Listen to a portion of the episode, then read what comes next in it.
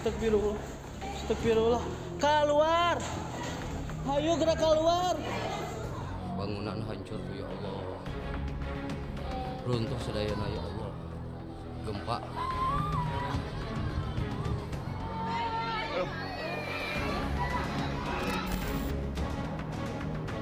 Senin 21 November sekitar pukul 13.21 waktu Indonesia Barat.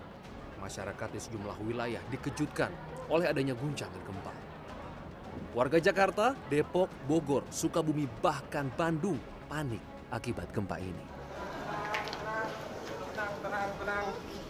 Badan Meteorologi, Klimatologi, dan Geofisika menyatakan titik pusat guncangan gempa ini berada di barat daya Cianjur, Jawa Barat. Gempa dengan magnitudo 5,6 ini terjadi pada kedalaman 10 km. Jadi yang baru saja terjadi eh, pada posisi di sekitar Sukabumi Cianjur, di sekitar wilayah ters- eh, daerah tersebut dan merupakan gempa yang diakibatkan oleh eh, patahan geser, patahan geser dengan magnitudo 5,6. Diduga ini merupakan pergerakan dari sesar Cimandiri. Gempa yang mengguncang Cianjur merupakan gempa yang sangat dangkal dan berpusat di darat. Akibatnya, gempa ini menyebabkan bangunan runtuh dan tanah longsor di sejumlah titik.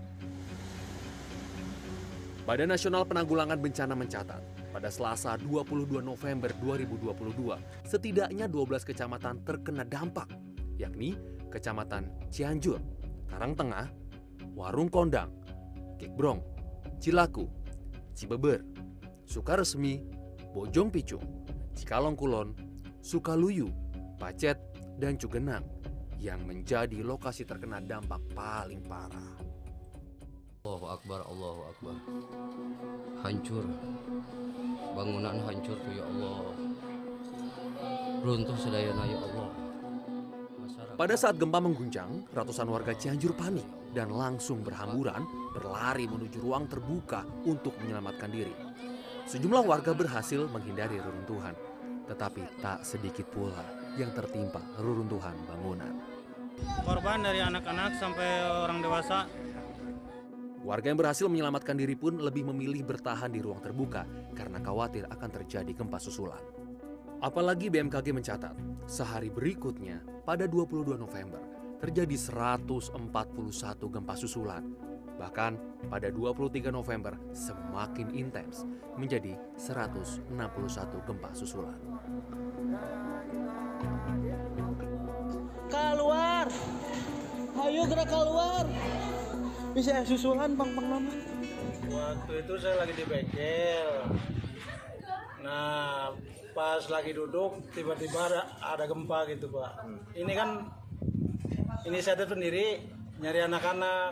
Pas sampainya di gang kedapatan anak saya udah berdarah-darah kepalanya gitu. Itu ketimpa tembok, Pak. Tembok kantor perhutani. di toko bahan bangunan Eh, kejadiannya sih gimana ya ah, guncangan gede gitu ya besar kita langsung keluar gitu pas kebenaran istri telepon dari rumah kan toko sama rumah nggak nggak jauhan gitu deket saya langsung ke rumah lihat kondisi mama udah ketibun ketibun apa? Runtuhan cuman kepala aja mungkin tadi yang ini yang kayak gini paling sekarang iga agak retak sekarang yang paling parah mungkin ya. Iga agak retak tangan udah kayak gini. Ketika asik-asiknya sedang mengajar waktu itu datang guncangan ya yang secara tiba-tiba gitu ya nah pas gitu ambrol ini eh, tembok yang belakang dan anak-anak pun histeris. Histeris anak-anak itu eh, apa namanya? Ya. Nangis ya, Ah. pada nangis. kaget gitu ya sambil nangis. Ya mereka pada meluk ya ya karena kami nggak nggak bisa langsung keluar gitu ya pak ya. Karena ini banyak debu jadi kan gelap gitu nah. Nah tapi pada akhirnya ya kami berusaha untuk untuk keluar. Dan anak-anak pun didahulukan keluar dengan kami semua ke sana dengan saya gitu Pada berlarian Ah, keluar. pada berlarian keluar Pasca gempa, warga Cianjur mengevakuasi diri, baik dengan mendirikan tenda darurat maupun menuju rumah sakit terdekat untuk mendapatkan pertolongan pertama. RSUD Sayang Cianjur mencatat, setidaknya 376 warga mendapatkan perawatan darurat dan 58 orang yang terdiri atas 33 anak-anak dan 25 orang dewasa dinyatakan meninggal dunia setelah gempa yang terjadi pada 21 November yang lalu. Tak hanya menyebabkan jatuhnya korban jiwa, gempa yang disebut sebagai siklus 20 tahunan ini juga mengakibatkan hancurnya infrastruktur dan tanah longsor di sejumlah titik. Salah satu wilayah yang terkena dampak gempa paling parah yaitu tanah longsor Kecamatan Cigenang. Banyak korban yang tertimbun longsoran di kecamatan ini.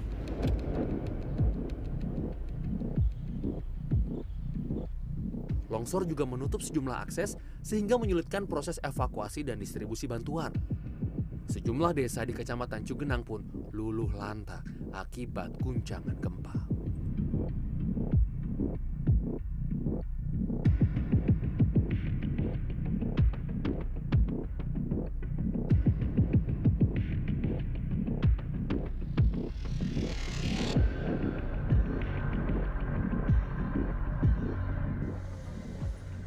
Berdasarkan data BNPB per 23 November 2022, 39 orang masih dinyatakan hilang. 32 orang di antaranya adalah warga Cijedil, Kecamatan Cugenang, sedangkan tujuh korban lain adalah warga yang sedang melintas.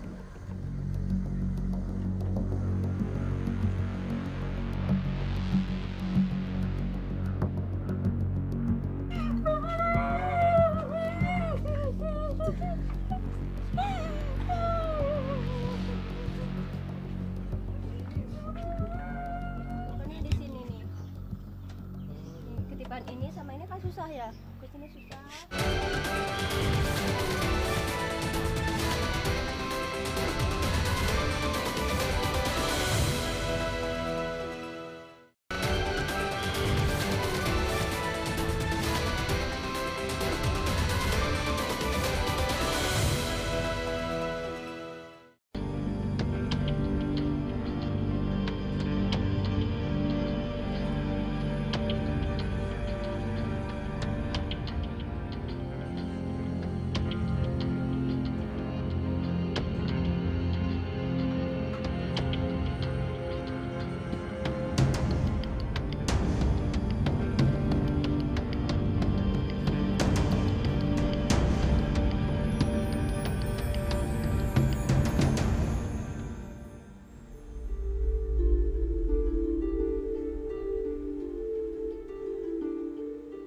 Gempa dengan magnitudo 5,6 di Cianjur, Jawa Barat yang terjadi pada 21 November lalu tak hanya menyisakan kesedihan. Gempa juga mengakibatkan ratusan warga kehilangan sanak saudara dan melulu lantakan rumah yang tersebar di sejumlah titik gempa di Cianjur. Kesedihan mendalam di antaranya dirasakan Desi. Ia adalah salah satu dari ratusan warga di Kecamatan Cugenang, Cianjur yang kehilangan sanak saudara. Deden kehilangan istri dan anaknya pasca gempa dengan magnitudo 5,6 pada Senin siang. Sambil terisak, ia menjelaskan istri dan anaknya hilang tertimbun tanah longsor saat sedang berada di warung. Deden juga menceritakan anaknya sempat melakukan panggilan video dan memintanya segera pulang. Bisa susulan, bisa susulan soknya. Ya, Den. Namun, takdir berkata lain. Istri dan anak bungsu Deden tertimbun tanah longsor akibat gempa. Deden histeris saat melihat material tanah yang menghancurkan warung miliknya serta menimbun istri dan anaknya. Kalau kita video call, jam satu tuh ya, wi ya, wi katanya. Terus Ya, ya, ya, lagi lagi pulang lagi di jalan. Terakhir kali. keluarga bapak ada di mana sekarang? Di sana di mana kak? Tertimbun sama warung-warungnya. Berapa orang pak? Di warung ada dua, istri sama anak yang paling botol. Belum dievakuasi pak?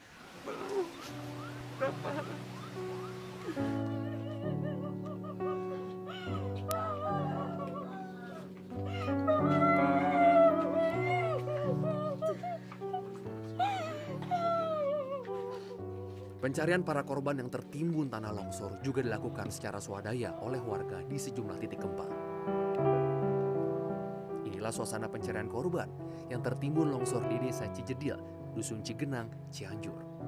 Dengan alat seadanya warga menggali reruntuhan dan longsoran tanah yang tebal. Agus Supriyatna juga mencari anggota keluarganya. Ia kehilangan istri dan dua putranya. Saat gempa terjadi, Agus sedang bekerja. Adapun istri dan anaknya sedang berada di dalam rumah. Agus adalah seorang pekerja serabutan. Upayanya mencari korban bersama warga lain sempat dilarang dengan alasan mengancam keselamatan jiwa. Saat tim SAR tiba, Agus beserta warga kembali ikut melakukan pencarian. Agus berharap istri beserta kedua anaknya bisa segera ditemukan dan bantuan alat berat segera datang untuk menggali timbunan tanah yang tebal.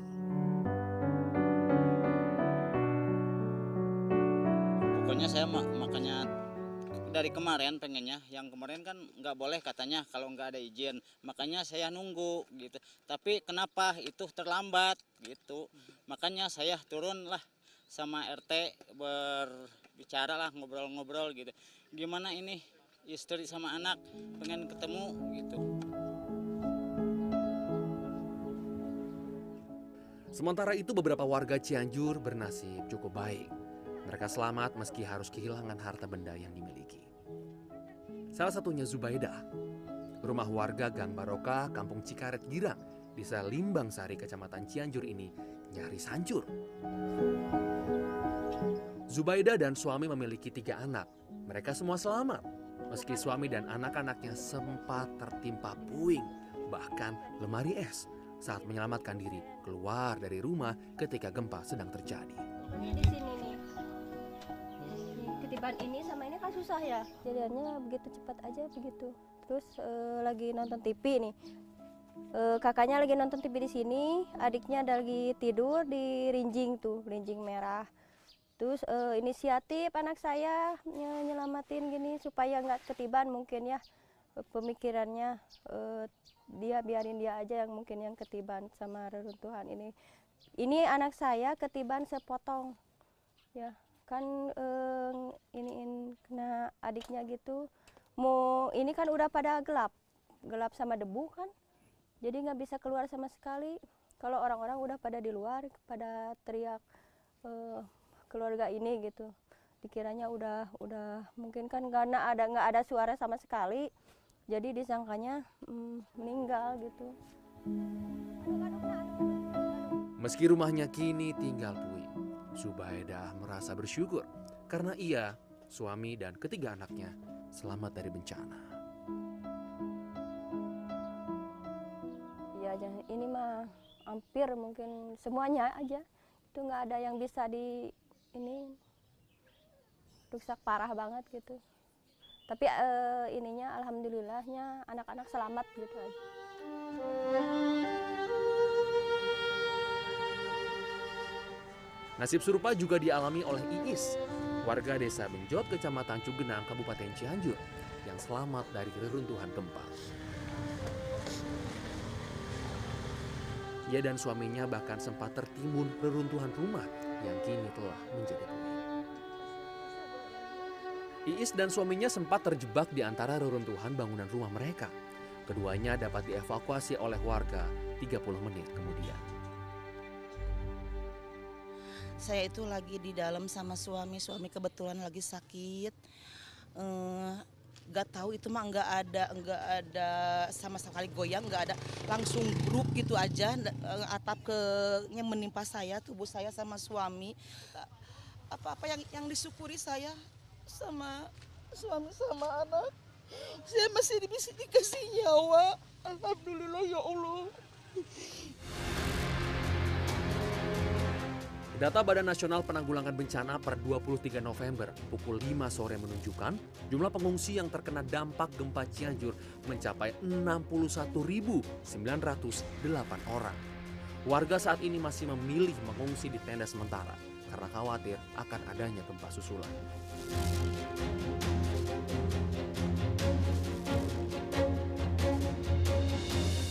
Para pengungsi masih membutuhkan bantuan makanan obat-obatan, pakaian, selimut, peralatan bayi, air bersih, dan juga kain kafan untuk memakamkan korban jiwa. BNPB juga mencatat per 24 November pukul 5 sore, jumlah korban yang meninggal mencapai 272 orang dan yang sudah diidentifikasi 165 orang di antaranya. Korban yang terluka mencapai 2046 orang dan korban hilang 39 orang. Saat ini, pemerintah dan seluruh lapisan masyarakat masih terus berupaya memberi bantuan yang dibutuhkan dengan mengevakuasi para korban.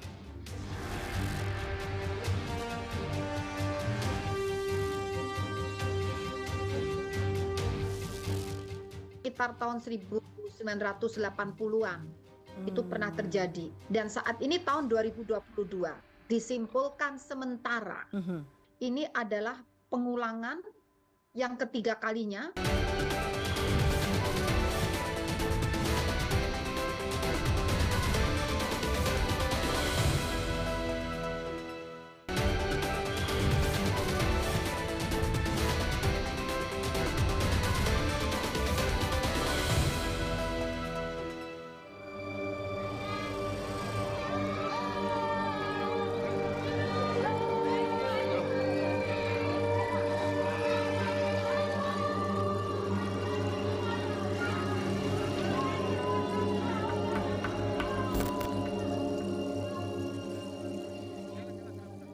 Ratusan orang meninggal, ratusan rumah hancur, dan ribuan orang mengungsi akibat guncangan gempa dengan magnitudo 5,6 di Cianjur, Jawa Barat pada Senin siang 21 November lalu.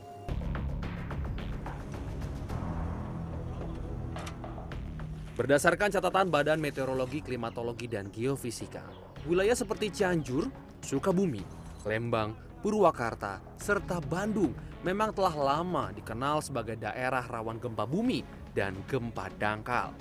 Hal ini terjadi karena banyak wilayah tersebut berada di kawasan seismik aktif dan kompleks, serta banyak sesar yang ditemukan di wilayah itu, seperti sesar Cimandiri dan sesar Lembang.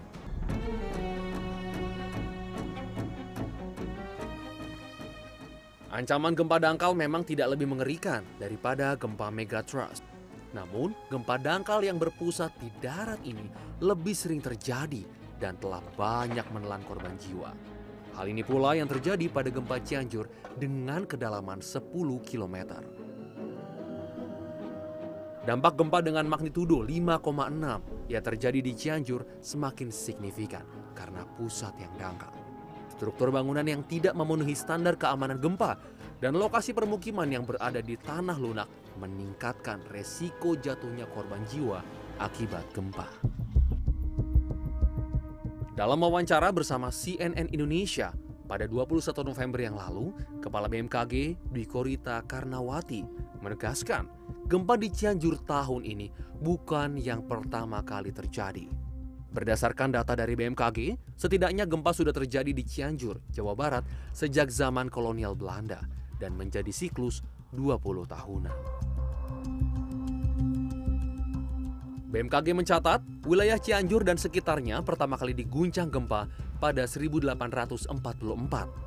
Kemudian gempa kembali terjadi 35 tahun berikutnya, yaitu pada tahun 1879 gempa terjadi lagi beberapa tahun selanjutnya dengan rata-rata magnitudo 5. sekitar tahun 1980-an itu pernah terjadi. 80 sekian begitu ya.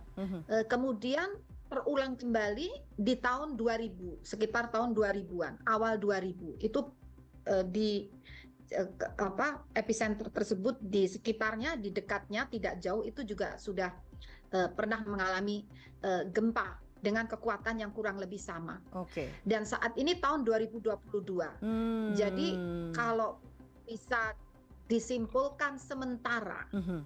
sambil menunggu pertambahan data. Ini untuk sementara kami melihat ini adalah pengulangan yang ketiga kalinya Mhm. dengan selang waktu kurang lebih 20 tahun. Hasil analisis awal BMKG menunjukkan gempa yang berpusat di barat daya Cianjur, Senin siang, dipicu oleh gerak sesar Cimandiri. Hal ini dilihat dari karakter pusat kedalaman dan mekanisme gerak sesar Cimandiri, yaitu patahan geser. Sebaran sesar Cimandiri ini panjang dan membentang. Segmen barat memanjang mulai Teluk Pelabuhan Ratu hingga perbukitan Walat. Sementara itu, segmen timur membentang dari perbatasan Sukabumi Cianjur hingga Bandung Utara. Dan sepanjang wilayah ini dipadati permukiman warga. Sejauh ini, Sesar Cimandiri menjadi pemicu terjadinya gempa besar di sejumlah wilayah di Jawa Barat. Di antaranya gempa Pelabuhan Ratu pada 1900, gempa pada Larang pada 1910, gempa Congkeang pada 1948, dan yang terbaru gempa Sukabumi pada 2001. Namun setelah didalami, BMKG menduga gempa tektonik yang terjadi di Cianjur bukan disebabkan oleh sesar Cimandiri, melainkan sesar yang belum teridentifikasi. Sesar aktif ini perlu diidentifikasi dan zonasinya dipetakan agar memudahkan mitigasi pada masa mendatang. Koordinator Bidang Mitigasi Gempa Bumi dan Tsunami BMKG, Daryono, menegaskan saat ini pihaknya masih perlu melakukan penelitian bersama ahli geologi lain untuk memetakan sesar penyebab gempa Cianjur. Masih dalam sistem eh, zona sistem sirkulasi mandiri. Hanya saja itu belum terpetakan dengan detail saja. Ya, maka ini menjadi tugas eh, para ahli kebumian, ahli geologi, tektonik untuk memetakan dengan detail sumber-sumber gempa yang ada di uh, wilayah tersebut.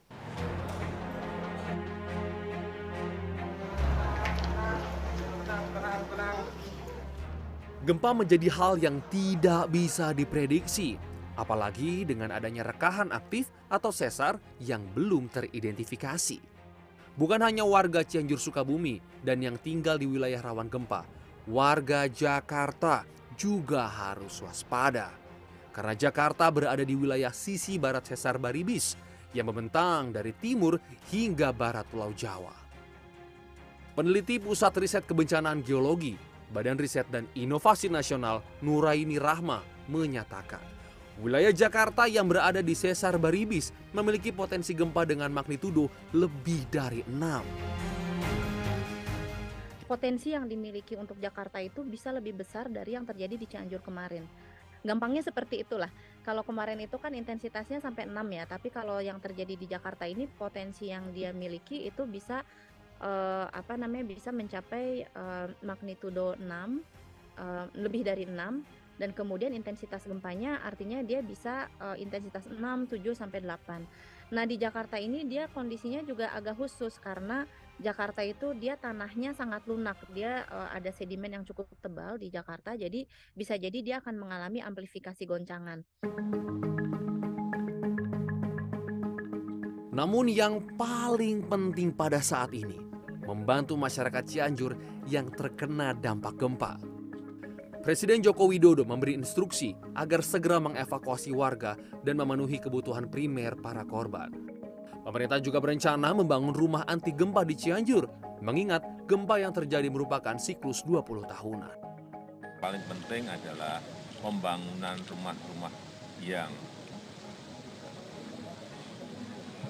terkena gempa bumi ini diwajibkan untuk memakai standar-standar bangunan yang anti gempa oleh Menteri PUPR. Karena tadi disampaikan oleh BMKG bahwa gempa ini ada gempa 20 tahunan. Sehingga bangunan rumahnya kita arahkan untuk yang rumah anti gempa. Peristiwa gempa di Cianjur pada 21 November yang lalu dapat menjadi momentum untuk bergotong royong saling membantu. Gempa ini juga menjadi pengingat bagi masyarakat agar meningkatkan literasi waspada bencana sekaligus pembelajaran bagi pemerintah agar meningkatkan upaya mitigasi dan sistem penanggulangan bencana.